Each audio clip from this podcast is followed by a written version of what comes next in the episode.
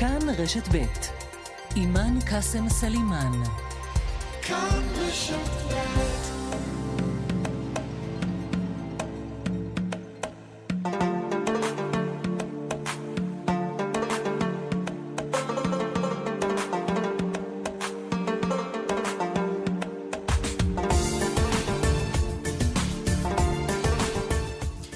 צהריים טובים מאזינות ומאזינים. מרחבה, מרחבת, חלון אל החברה הערבית, פוליטיקה, חברה, תעסוקה, חינוך, זהות, דילמות, ובעיקר יחסי ערבים יהודים במדינת ישראל. השבוע הייתה בכנסת השקת השדולה לקידום ושוויון החברה הדרוזית. ויום לפני כתב מכאן הותקף כאשר שמעו אותו מדבר ערבית תוך כדי דיווח. במקרה הוא היה דרוזי. איך הפכה השפה הערבית באוזני חלק, לא נכליל כמובן, סימן מאיים, גורם שמוציא את הגזענות והעילה לתקוף. זו לא רק השפה, גם הנפת הדגל הפלסטיני עוררה סביבה דיון סוער ברשתות, ברחוב ובעיקר בכנסת. נזכיר שהחוק נגד הנפת דגלי פלסטין אושר אתמול בקריאה טרומית. סביב העניין יהיו לנו כמה שיחות היום. ועוד, נשים ערביות פורצות דרך להשכלה גבוהה עם תוכנית הזדמנות שנייה, תרהיר, לימודים אקדמיים לגילאי 35 עד 60.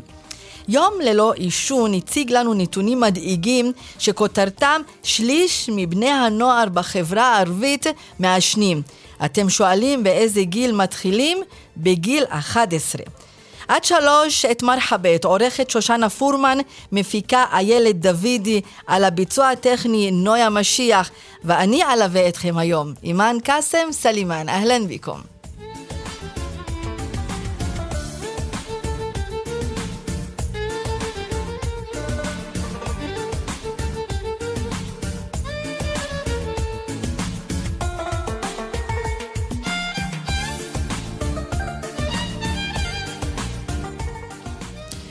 שקיב שנאן, חבר כנסת לשעבר, פוליטיקאי מחורפיש, ועוד הרבה דברים שנדבר עליהם איתך.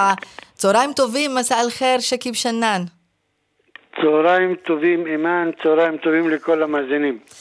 דיונים סוערים היו אתמול בכנסת, לא שזה חריג בתקופה האחרונה, אבל איך אתה מתבונן במה שקרה אתמול, העימותים, המריבות, התקיפות המילוליות, זה כמעט הגיע לתקיפה פיזית, שקיב. לצערי הרב, המראות האלה לא מוסיפות כבוד לכנסת. אני אהיה יותר חד, המראות האלה לא מוסיפות כבוד למי ששותף בהם, בלי קשר אם זה אה, טיבי או בן גביר, או כל אלה שהתגודדו מסביבם. הכנסת חייבת להיות מקור השראה לדברים מתורבתים ולתרבות דיבור ולכבוד הדדי. מותר להיות חלוק בדעה, אבל לחלוק יחד את האחריות לניהול מדינת ישראל. זה מקום כל כך מכובד, כל כך מכבד, כל כך מיוחד, שאשרי מי שמקבל את הזכות להיכנס בשעריו, ומי שנכנס לשם חייב להבין דבר אחד, מרגע כניסתך אתה לא רכוש עצמי של עצמך, אתה רכוש לאומי, ורכוש לאומי חייב להתנהג אחרת. אבל אתה יודע שהשיח מתחמם בעיקר כאשר עולים נושאים כמו הנפת דגל פלסטין, מה שהיה אישור החוק בטרומית, במוסדות ממומנים מהמדינה, בושה. פיגועים, פיגועים, האשמות בתמיכה בטרור, ואתה, כמו כל משפחה שכולה שקיב שנן, אתה שילמת את המחיר הכי כבד שיכול להיות. אתה שקלת את הבן שלך, כמיל שנן, בהיותו שוטר שנרצח בפיגוע במסגד אל-אקצא ב-2017. איך שמים קץ לא רק לשיח, אלא לסוגיה עצמה. מה, ש, מה שקיים עכשיו?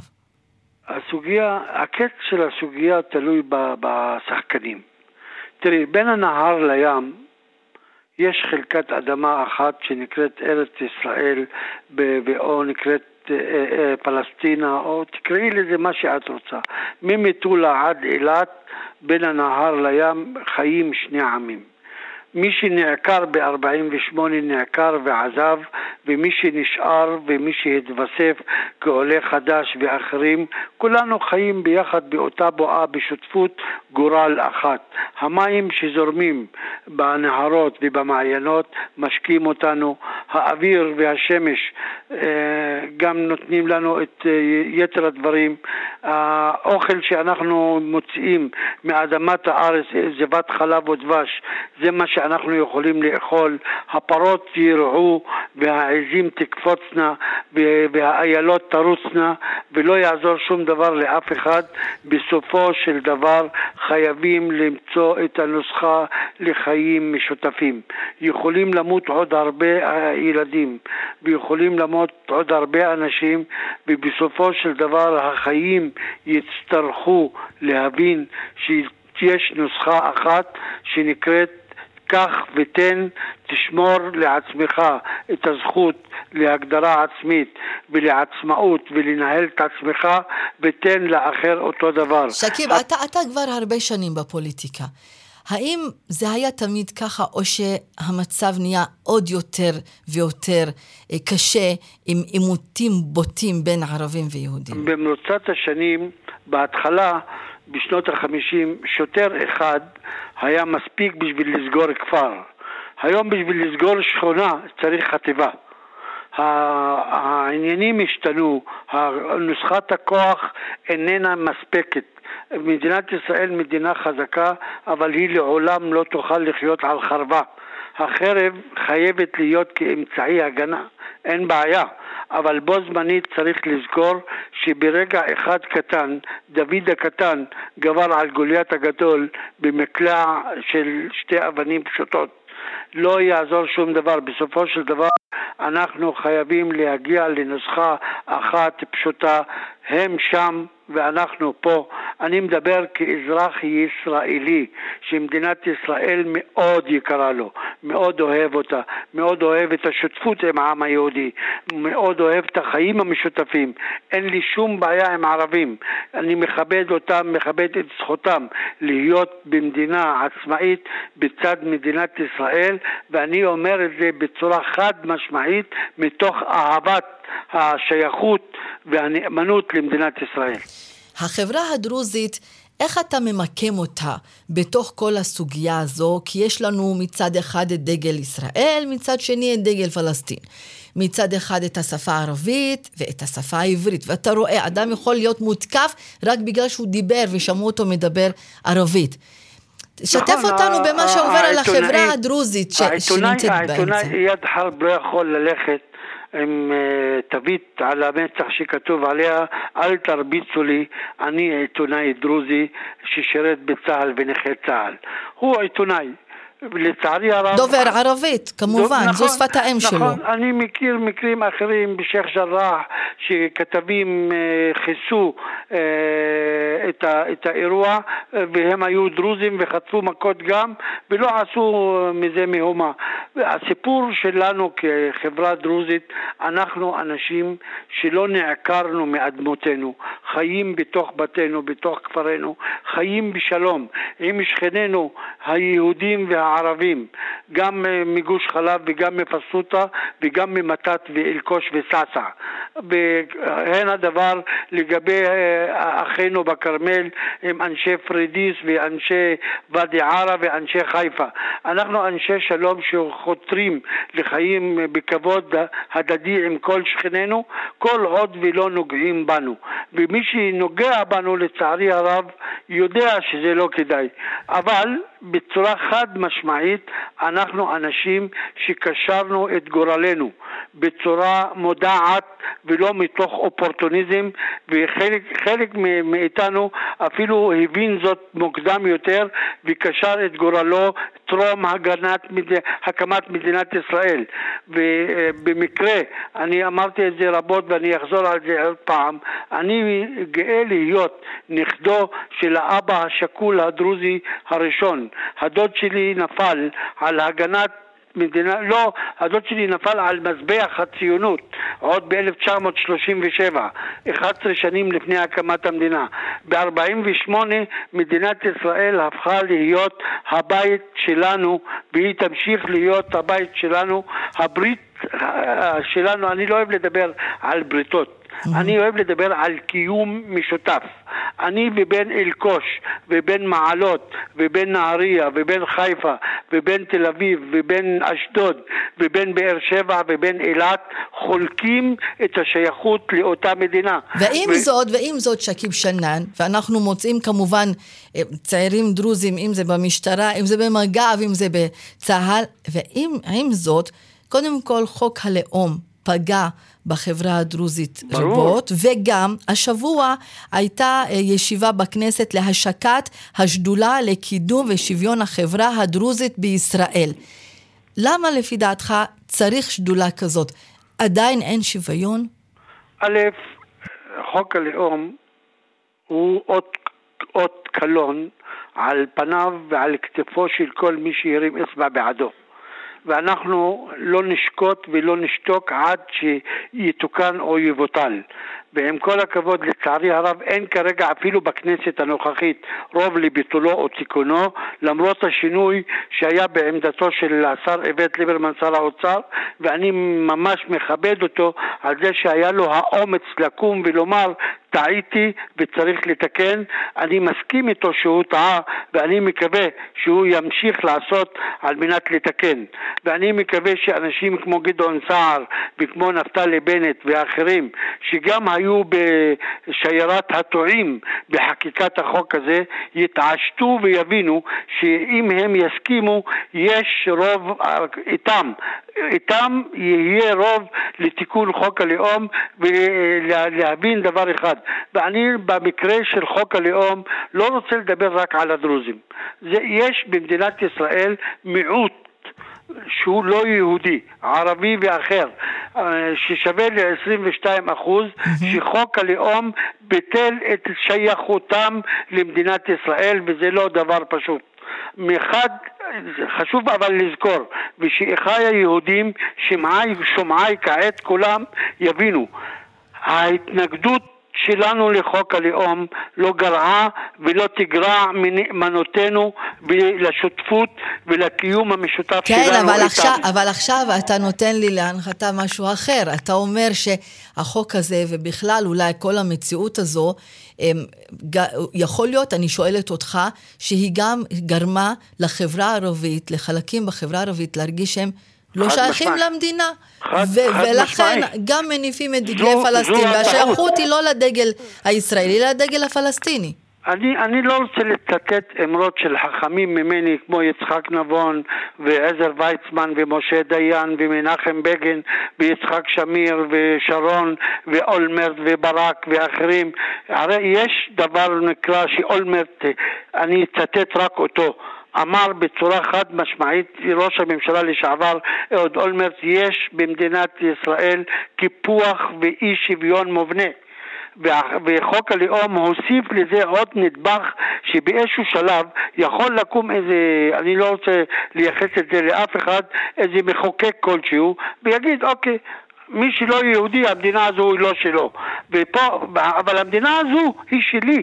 היא שלי, היא, היא של קמיל, זיכרונו לברכה, היא של נביל, ייבדל לחיים ארוכים, הבן שלי, והיא של שכני ושל שכנתי ושל חברי ושל חברתי. אנחנו שייכים וגאים להיות שייכים. שדולה לקידום העדה הדרוזית זה דבר מבורך. השאלה מה יצא ממנה. יש הרבה מאוד שדולות עשרות שדולות לעשרות נושאים. מי שרוצה לקדם יכול להקים שדולה. תודה לכל מי שחבר בה, אבל שדולה בכנסת היא לא אמצעי. היא, היא לא אמצעי לביצוע, היא אמצעי להציג אה, נושא. האמצעי נמצא בידי ממשלת ישראל, ונמצא ב... יש שתי מערכות שלטון. יש את השלטון המרכזי, שזה ממשלת ישראל, ויש את השלטון המקומי.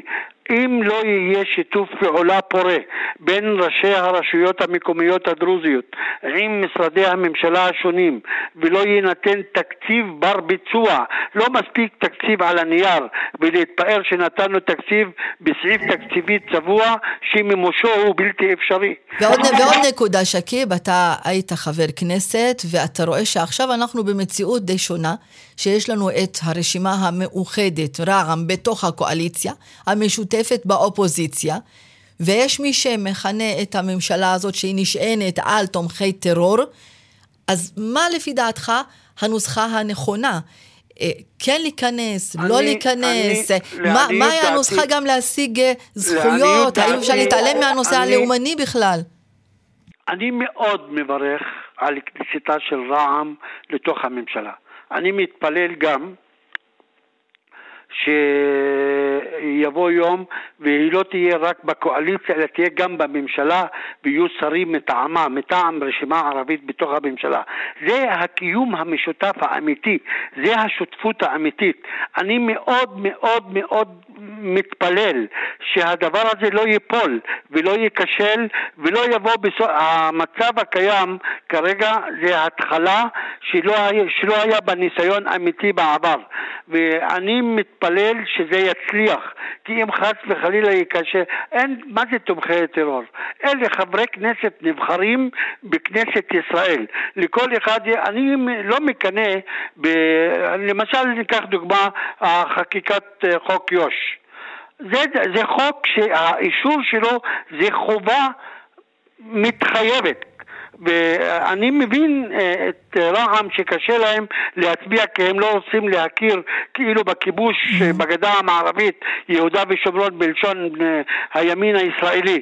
בסופו של דבר יש 600 אלף יהודים ישראלים שחיים ב- ביהודה ושומרון בגדה המערבית, תקראי לזה מה שאת רוצה, והאזרחים האלה חייבים לסור למרותו של חוק מדינת ישראל, אחרת יהיו ערי מקלט לכל העבריינים למיניהם. טוב, אתה לוקח לכן... אותנו עכשיו למה שאנחנו נעקוב אחריו כמובן בשבוע הבא, מה יקרה ברשותך, עם החוק. ברשותך, אני רוצה כן. לפנות לראש הממשלה, לשר המשפטים, לשר האוצר, לשר הביטחון ולכל ראשי מפלגות הקואליציה והאופוזיציה.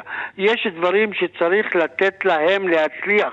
על מנת שהשותפות הזו תצליח צריך גם להיות סובלני, אבל במקביל לעשות שלא רק דיבורים, שק... אלא גם מעשים ייראו על פני השטח. כן, הפוליטיקאי וחבר הכנסת לשעבר שכיב שנאן, שוכרן, תודה רבה לך שכיב, שוכרן. צהריים טובים לך ולכל המאזינים. צהריים טובים. ומי שמאזין על הקו השני הוא יאסר אבו ערישה, עיתונאי ופובליסיסט. אה, שיחה מקומית, מורה לערבית, אה, גם מתרגם ועורך לשוני. צהריים טובים, מסע אל-חיר יאסר. مساء الخيرات ست إيمان كيف حالك؟ مرحبا שלום ואחר צהריים טובים לך ולכל המאזינים והמאזינות. צהריים טובים, אלחמדולillah, וזה שאנחנו לפחות משחילים כמה מילים פה ושם בערבית ברשת ב', זה משהו מאוד מיוחד, יאסר, אבל זה לא משקף את מה שקורה היום בחוץ. האם אתה, בעניין השפה הערבית, אתה ואחרים, חשים שמי שמדבר את השפה הערבית, הם חשו בסכנה. אתה ברכבת, בקניון, מקבל שיחת טלפון מקרוב משפחה, ואז אתה חושש לענות בערבית. תראי, אימן, בשנים האחרונות, מה שהתהליך שעוברת אותו השפה הערבית הוא תהליך אה, נורא מורכב בכל מה שקשור אה, בחיים הציבוריים ובמרחב הציבורי. אה, מצד אחד אנחנו כן עדים ועדות לתהליך של יותר התעניינות בלהבין את השפה, בללמוד, יש יותר דגש ויותר רצון מצד, מצד ציבורים נרחבים בחברה היהודית ללמוד את השפה הערבית מחד. מאידך, אה, בשנים האחרונות, ובמיוחד וביתר שאת אחרי חקיקת חוק הלאום, השפה הערבית קיבלה מין מקום אה, מעין אה, נידח במרחב הציבורי. והתהליך המורכב הזה כן מעורר כל מיני קשיים עבור, עבור האזרחים הערבים. זו שפת אימם. היא השפה שבה אנחנו משתמשים לתקשר. אנחנו גאים בשפה הזאת, היא שפה עשירה, היא שפה שמבחינה תרבותית תרמה המון, לא רק לנו, לכל האנושות. כן. יש, בה, יש בה ממדים מאוד מאוד מיוחדים, וזה גם מה שמושך אנשים אליה. מצד שני, ולצערי הרב, בגלל אה, מיסאינפורמציה נקרא לזה, השפה הערבית, לצערי הרב, גם נקשרה לכל מיני אה, פעולות כאלה ואחרות שהן פעולות אלימות, שהיא שפה שפת אויב mm-hmm. בעיני חלק מהציבור היהודי לצערי הרב, למרות שזו שפה שחלק ניכר מהציבור היהודי בארץ כן מכיר בחשיבותה, כן, אה, כן גדלו בחיקה. אנחנו אה, ראינו יאסר אחרי הסכמי אברהם, איך אה, גם כתבים, גם עיתונאים, גם שדרים התגאו שהם יודעים כמה מילים בערבית, ובכלל מי שידע ערבית פרח שם במדינות של הסכמי אברהם, אבל זה לא רק עניין השפה, אני גם רוצה לשאול אותך לגבי הדגל, כן? הדגל הפלסטיני. מה הוא אומר לך, מה הוא מסמל אה, עבורך, עבור הצעירים בחברה הערבית, ואיך הוא הפך מדגל שמניחים אותו על השולחן בהסכמי אוסלו, בשיחות בין ישראלים ופלסטינים, לדגל שרואים בו דגל שמסמל טרור. כאשר הציבור הערבי בארץ, למרות כל המאמצים של אה, במיוחד גורמים פוליטיים, לדאוג לכך שיהיה יותר שילוב ויותר uh, שיתוף של הציבור הערבי מצד אחד. מצד שני, מורגשת הזנחה בחברה הערבית. החברה הערבית מוזנחת. אין, אין מה להגיד, אין מילה אחרת שמתארת את המצב, את המצב שהוא בכי רע שהגענו אליו. אנחנו מוזנחים. ויש מאמצים כמובן לתת יד ולעזור, אבל הציבור הערבי זקוק לפרויקט גדול, הוא לא זקוק ל-30 מיליארד שקל שיוזרמו לתקציבים של המועצות המקומיות או לשיפור התשתיות. אנחנו זקוקים לפרויקט, גם פרויקט פנימי אצלנו בפנים, בתוך החברה הערבית, שאנחנו נתעורר על עצמנו כדי שנדע באמת לקחת את עצמנו בידיים ולפרוח ולדאוג לדורות הבאים ולצעירים. מה, מה זה פרויקט בדיוק? איך, איך זה נעשה מבחינתך? יאסר? זה קצת מורכב, כן. זה קצת מורכב, אני חייב להודות, mm-hmm. אבל אחת הבעיות שהכי כרגע בוערות בכלל החברה הישראלית בתוך מדינת ישראל, זה בעיית החינוך. בעיית החינוך, כשהמורים משתכרים שכר רעב, ומערכת החינוך לא באמת מצליחה להתעלות על עצמה ולמצוא פתרונות שהם יצירתיים, לא רק לערבים, גם ליהודים. גם ליהודים. אנחנו בבעיית חינוך חמורה לדורות הבאים והצעירים. אנחנו לא מעודכנים במה שמתרחש בסביבה, אנחנו לא ממש עוקבים אחרי השינויים שמתרחשים ביום-יום ושהצעירים זקוקים נואשות למישהו שיבין אותם. ואני רוצה לשמוע הצעיר, ממך. על הדור הצעיר בדיוק בנקודה הזו, הדור הצעיר, מה קורה איתו מבחינת זהות, מבחינת שייכות, ואתה רואה שלמשל כשהיו ההפגנות או אה, אזכור אה, באוניברסיטאות, אם זה בבן גוריון או באוניברסיטת תל אביב, מה שהם שרו שם, והדגלים נתפס בידי אה, היהודים שזה מאיים, שזה בא להשמיד, שה, שהמסר הוא להשמיד, שזה שנאה כלפי מדינת ישראל. ישראל. אה, האם זה אכן כך? לא. התשובה היא לא. אם תסתכלי במרחב המשותף שלנו ביום-יום, ואם נשים בצד את הפוליטיקה, אנחנו חיים ביחד. אנחנו נפגשים ביום-יום במרחב הציבורי, אנחנו לומדים ביחד, עובדים ביחד, ערבים ויהודים, ערביות ויהודיות, בכל המקומות האפשריים שאת יכולה לדמיין. יחד עם זאת, כאשר הציבור הערבי לא מוצא, או הצעירים במיוחד, לא מוצאים יד שתושת להם שיקבלו את המינימום הנדרש, זכויות מינימליות של תחושה של שייכות, של תחושה שאת יודעת מה, אילן, אני אגיד את זה במילה מאוד פשוטה, שגם אנחנו כאן בעלי הבית. אני, אם תשאלי אותי אישית, יש זכות ליהודים להיות כאן. אני בעד הזכות של היהודים להיות כאן, אבל אני מתנגד לכך שהיהודים, או חלקים מסוימים בציבור היהודי לא יכירו גם בזכות שלנו להיות כאן. ברגע שאנחנו נכיר בזכות ההדדית הזאת, אנחנו נוכל להגיע למקומות מדהימים ביחד. לצערי הרב, כנראה המצב הנוכחי משרת כל מיני אינטרסים של כל מיני גורמים, שלא מקדם את האפשרות הזאת. לאיזה, לאיזה, כיוון, לאיזה כיוון דוהר הדור הצעיר בחברה הערבית? ושים לב שאנחנו מוצאים גם אתה סטודנט, ובכלל, גם מי שסיימו ללמוד, מוצאים אותם באחוז כל כך גדול במערכת הבריאות, גם בהייטק, גם בחברות ממשלתיות. היום אנחנו רואים את השינוי. לאן זה יוביל? לאיזה כיוון דוהר הדור הצעיר הזה? תובנה מאוד, אה, מאוד אה, משמחת ומאוד חיובית ומגמה מצוינת בחברה הערבית שיותר ויותר צעירים וצעירות מחליטים ומחליטות ללכת לכיוון של אקדמיה, ללמוד, להשכיל כי בדבר הזה צריכים להתחמש. צריך להתחמש בידע, צריך להתחמש במדע. צריך ללמוד ביחד איך אנחנו כחברה מגוונת ורב תרבותית נוכל להשיג יעדים מעולים עבור כולנו הרי מה המטרה של, של כולנו בסופו של דבר מכל מה שאנחנו עושים? לצאת בבוקר, ללכת לעבודה, להתפרנס, לחזור לקורת גג בטוחה עבור כולנו, מבלי שמישהו פוגע בביטחון האישי שלנו, שאנחנו שמחים בחיק המשפחה שלנו. אלה סך הכל בקשות מאוד פשוטות. בשים בצד את כל מה שקשור לפוליטיקה. אנחנו זקוקים לדברים מאוד בסיסיים, והדברים הבסיסיים האלה, אפשר להשיג אותם גם באופן עצמאי על ידי האדם הפשוט שהולך ועושה מאמצים ללמוד ולפרוח ולהצליח, וגם על ידי כך שהחברה גם מושיטה יד ומשתפת פעולה ללא משוא פנים ובגובה העיניים. אבל האם אפשר לשים את כל הפן הלאומני בצד ולומר, אמ, זה עכשיו לא מעניין, או אין כאן שום כוונה אחרת אה, בקרב הציבור הערבי במדינת ישראל? אני, אני אגיד משהו לא פופולרי. אני אגיד משהו לא פופולרי, אימן. בסך הכל, בסופו של דבר, אם נסתכל גם על החברה היהודית וגם על החברה הערבית, לדעתי, לדעתי האישית, אנחנו נמצאים באיזושהי נקודה שבה יש הרבה חששות ופחדים. לכל צד יש חששות ופחדים.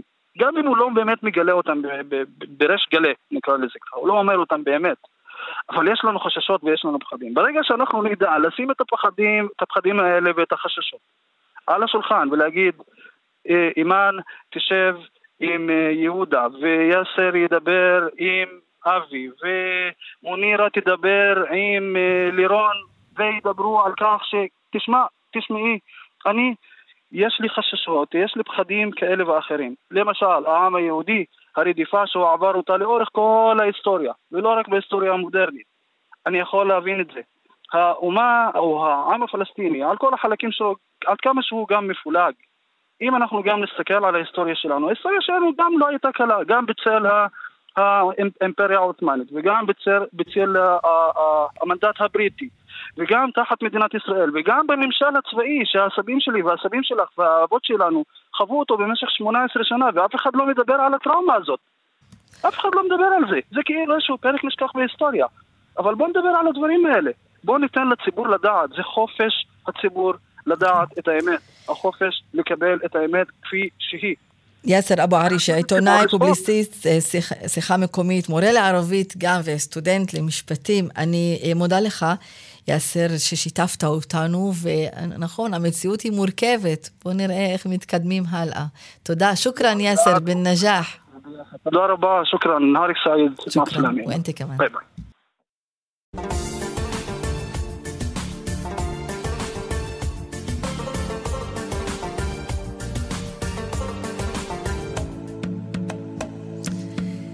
נדבר כעת על יוזמה מיוחדת, אה, גם מבורכת, נשים ערביות פורצות דרך להשכלה גבוהה עם תוכנית הזדמנות שנייה. אנחנו נשמע ממך, מונה עורוק, מנהלת שותפה של מהפך, תרהיר, מה זאת התוכנית ומי משתתף ולאן יכולות להגיע. מסע אל חיר מונה. אהלן מסנור.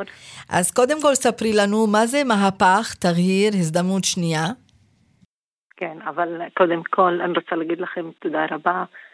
ורוצה להגיד קודם, לפני שאני מדברת על העמותה, שאנחנו בימים אלו ממש אה, יצאנו לקמפיין לתמוך בהזדמנות שנייה, השכלה גבוהה לנשים, ואני רוצה להזמין את כולם, מי ששומע אותי, גם להיכנס לאתר של העמותה מהפך תרהיר וגם לתמוך שם. אז אה, עמותת מהפך אה, היא, היא עמותה של היא ארגון אה, יהודי ערבי, mm-hmm. הוא פמיניסטי אה, וגם אה, דוגל בשינוי חברתי דרך חינוך, העצמה קהילתית, שוויון הזדמנויות, צמצום פערים. וכאילו זה בעצם. לגבי הנשים שמשתתפות, אני מבינה שזה ב... זה, זה רק לנשים. מי הן כן. הנשים שמשתתפות בפרויקט הזה? בעצם הן אה, נשים אה, שלא הייתה להן הזדמנות ממש ללכת אה, לאקדמיה ולרכוש את ההשכלה הגבוהה וללמוד. הן נשים כמוני, גם אני אותו דבר, הייתי כמוהן, לא הייתה לי הזדמנות ללכת ללמוד למרות שזה היה החלום שלי. אני אימא עם שש בנות והיה לי חלום לצאת ממש ללמוד וזה לא היה אפשרי בשבילי, את יודעת, מבחינה כלכלית, מבחינה חברתית, יש את הקשיים. זהו, האם הקשיים הם חברתיים, הם כלכליים, הם גם אה, חיים, את יודעת, אישה שמתחתנת וילדים, ואנחנו מדברות על נשים בגילאי 30, 40, 50, אז כן. זה קצת קשה, זה לא הכי קל. במקביל גם להיות אימא ולגדל וללמוד. איך אתן עוזרות להן להתגבר על הקשיים האלה? תשמעי, הקשיים, לפעמים אני אומרת קשיים, אבל אנשים לא מבינים מה המשמעות של קשיים. הם קשיים אה, בטח כלכליים, קודם כל, וגם קשיים חברתיים, וגם אה, נשים מעדיפות, אה, אם יש להם כסף לתת לילדים שלהם, לתת לילדים שלהם את ההזדמנות שהם לא הצליחו כאילו להשיג אותה, ללכת וללמוד אה, וזאת אה, באמת אחד האתגרים הקשים בפני נשים שהן לא, מעדיפות לתמוך בילדים שלהם, אבל התוכנית הזו נותנת לנשים את ההזדמנות ממש אה, ללכת לאקדמיה, לרכוש את ההשכלה הגבוהה, להתגבר על הקשיים הטכנולוגיים שהיום ממש מתמודדות מולם, כמו הזום, כמו איך להתנהל מול מחשב. אה, השכלה, השכלה גבוהה, את מתכוונת ממש תואר ראשון באוניברסיטה או במכללה? נכון, תואר ראשון, אה, וחשוב אה, להדגיש שהפרויקט הזה הוא בשותפות של האוניברסיטה הפתוחה וכל העיריות וה... שאנחנו ממש בשותפות איתם. לאן, לאן הנשים האלה רוצות להגיע? תשמעי, הניסיון שלנו, שכאילו כל אישה מסיימת uh, תואר ראשון, uh, אנחנו, כאילו מהניסיון שלנו ושלי, אני יודעת שאני רוצה להשתלב בשוק העבודה.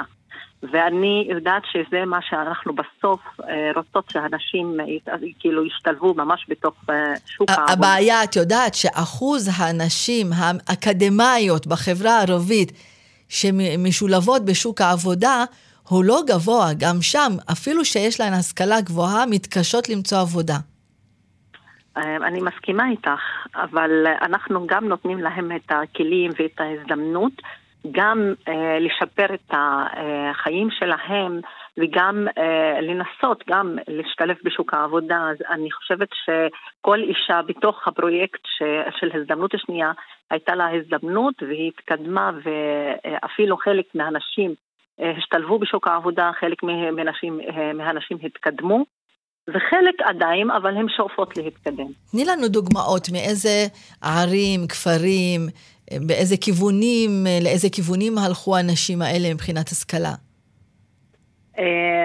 אנחנו, הפרויקט הזה נמצא בתוך כמה ערים, כמו יפו, יפיע, באקה אל-גרבייה, אה, אה, כאילו לאחרונה, לפני חודש, אנחנו, אה, היה לנו טקס סיום לנשים מדהימות, 24 נשים מדהימות שכבר סיימו תואר ראשון מטמרה, הן נשים ממש ממש הייתה להן את ההזדמנות ממש כאילו להשיג את התואר ולהתקדם בחיים שלהם וממש ממש ברכה בשביל, כאילו בשבילי זה כבוד בשבילי, אני הייתי איתם כשהם, אה, כאילו, הייתה להם אה, הענקת אה, תואר, וזה היה מדהים איך הם הרגישו ואיך הם הצליחו להגשים את החלום שלהם. היו מקרים, ש... היו מקרים שנשים למדו ביחד עם הילדים שלהם באוניברסיטה, כי אם אנחנו מדברים על אישה בגיל 50, אפילו 40, כן. יכול להיות שהבת שלה או הבן שלה גם איתה על ספסל האקדמיה. בטח, היו מלא דוגמאות כאלו. אני אחת מהם, אני והבת שלי ממש, אה, אה, היה לנו טקס סיום באותו זמן. אה, באותו ביחד? רגע, מה את למדת, מה את למדת ומה היא למדה? אני, האמת, למדתי אה, ניהול שירותי אנוש. הבת שלי למדה קרימינולוגיה, ואנחנו, היה לנו טקס סיום. לפני שבוע, וזה היה מדהים. אבל זה לא אותו חוג, אז לא יכלת את במקומה להכין את השיעורי בית, או להפך, אני לא יודעת מי, מי יותר חזקה בתחום. אה, האם אנחנו, לא האם, האם זה משקף שינוי כלשהו, לפי דעתך, בחברה הערבית בעניין תעסוקת נשים? אה, האמת, אני חושבת שכן. אני בעצמי, כשהתחלתי בעמותה, התחלתי כמתנדבת, אחר כך כרכזת לעמותה, אחר כך למנהלת שותפה, הייתי בלי תואר. אבל עם התואר, עכשיו אני עם התואר, וזה נתן לי להיות, כאילו יותר ביטחון עצמי, שאני יכולה להגשים את החלום, שאני יכולה להיות בחברה ולנהל את עמותה שלמה שהיא ממש, אה, אה, יש לה עשייה נפלאה ומדהימה, עם נשים, עם סטודנטים, עם ילדים, ולפי מה שאני חושבת זה נכון, אה, וזה היה נכון בשבילי. אני התחלתי ממש ממש בלי תואר, וזה ממש מדהים. אבל את יודעת, מונה, מי שמדאיג אותי זה לא הנשים שיכלו בסופו של דבר להשתלב ולקבל תואר.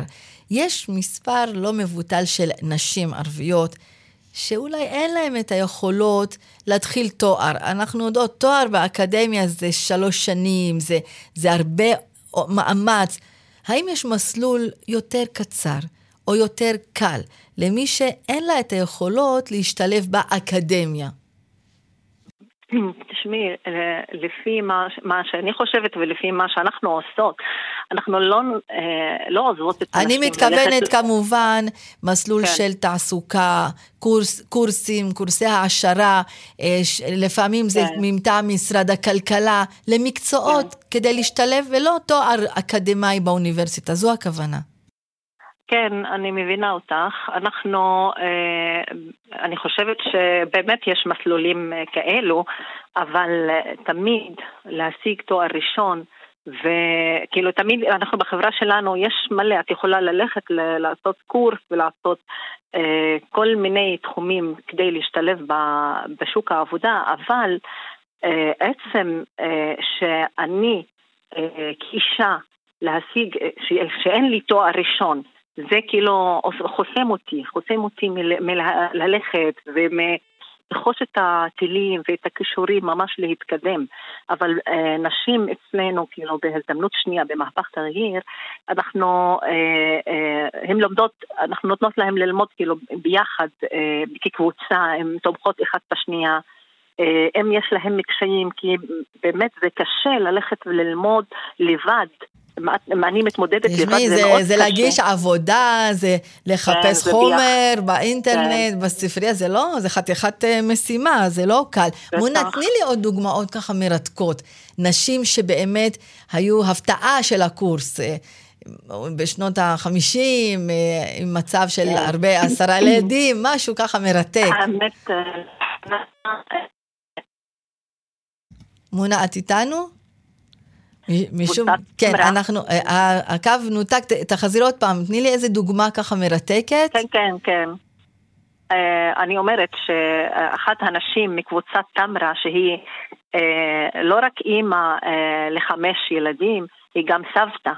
והיה, כאילו, היא יצאה והייתה, וכאילו, היא דיברה את המילה של הבוגרים מול כל הקהל של האוניברסיטה הפתוחה, mm-hmm. והתרגשה מאוד, והיא אמרה אה, אה, שהיא חוותה בעצמה את הקשיים ואיך היא כאישה אה, שברה את המוסכמות ואת החסמים והיא אימא והיא סבתא ויש לה מלא מלא מה לעשות כאילו ויש לה עבודה מחוץ לבית ובתוך הבית ו... כאילו, לא ולפעמים, ולפעמים לשמור לא על הנכדים גם, את יודעת, בשביל הילדים זה בעיה. כן, וסבתא בלימודים, וסבתא עושה מטלה.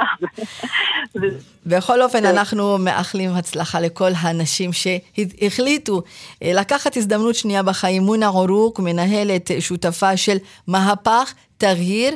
אה, כל הכבוד, אני אוהבת לראות. נשים ערביות בהשכלה הגבוהה, זה, חשוב. שוכרן מונה, שוכרן, תודה. שוכרן, שוכרן.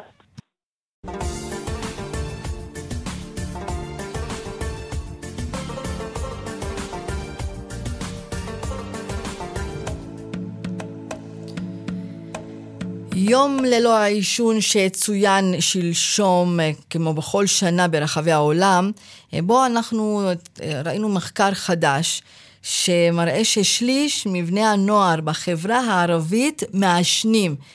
אבל לא רק זה, מה שמדאיג זה הגיל שבו הם מתחילים לעשן.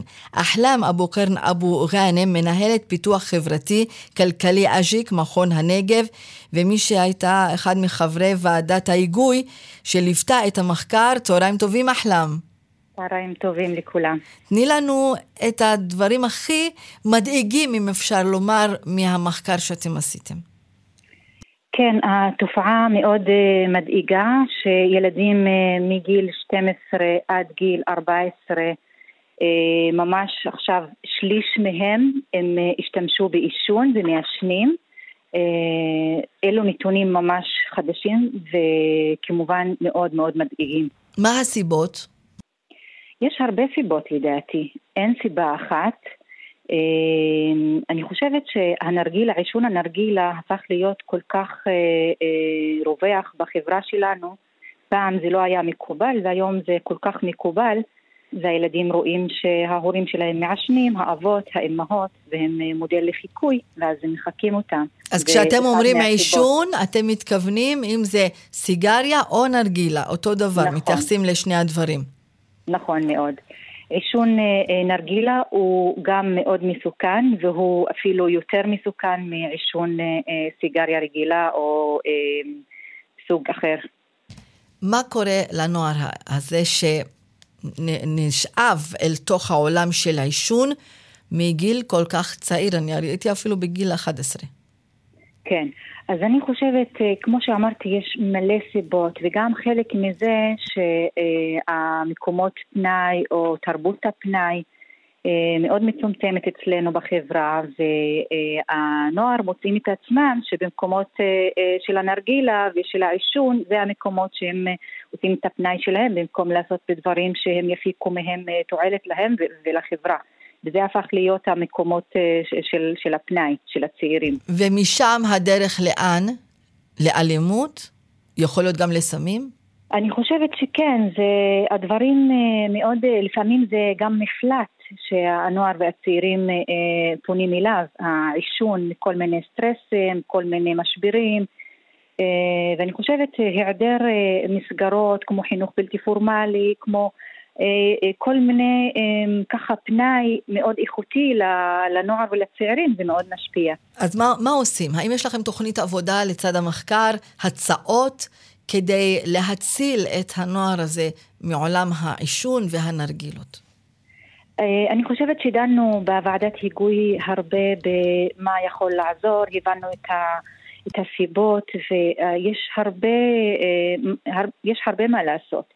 אני חושבת אה, היום בגלל שיש לנו היעדר של אה, אה, מודל, מודל לחיקוי של אנשים משפיעים שהנוער יכולים לראות אותם שהם מדברים על העישון שהם אנשים מובילים ו, וממש נגד עישון וזה זה דבר אחד. עוד דברים שזה מסגרות לחינוך בלתי פורמלי, שיהיה להם זמן איכותי ולעשות דברים איכותיים שיכולים לתרום לעצמם וגם לחברה וגם ליהנות. אמ, האם אה, את מחזירה אותנו לסוגיה שפתחנו איתה היום? כסף, תקציבים, כן, ממשלה, כן, משרדים. הראשון, ברור שזה הדבר הראשון, שזה אה, הקצאת משאבים.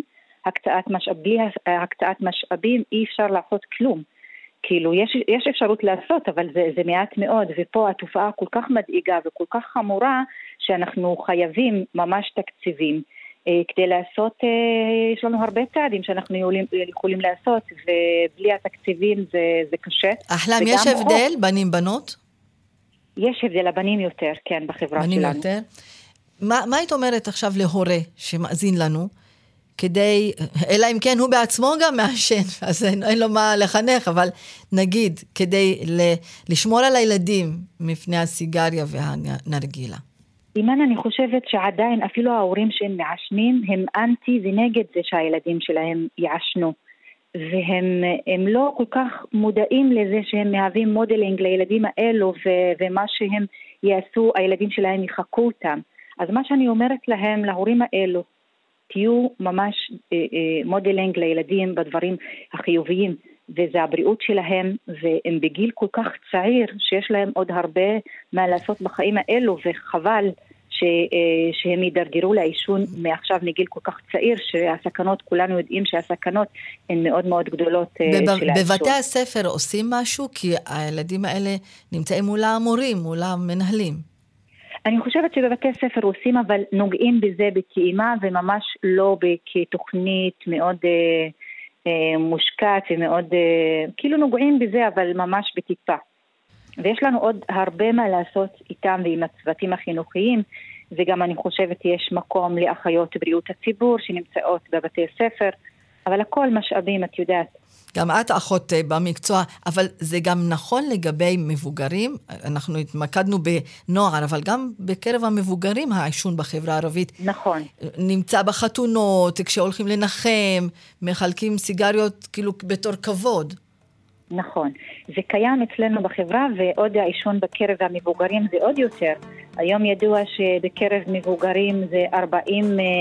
42 אחוז אה, אה, גברים ו-8 אחוז נשים, זה בחברה הערבית. איזה מספרים אה, מדאיגים. אחלם אבו קרן אבו גאנם, מנהלת פיתוח חברתי-כלכלי אג'יק, מכון הנגב. شكرا, תודה רבה לך. תודה. شكرا, אימאן. אנחנו מגיעים לסיומה של עוד תוכנית, מרחאבית. ערכת התוכנית שושנה פורמן הפיקה איילת דוידי. תודה לנויה משיח שהייתה איתנו על הביצוע הטכני. אנחנו תמיד מזמינים אתכם אה, אה, להאזין להסכת מרחאבית באתר האינטרנט, וממני אימאן קאסם סלימאן, שיהיה לכם סוף שבוע נעים ושבת שלום. إلى اللقاء.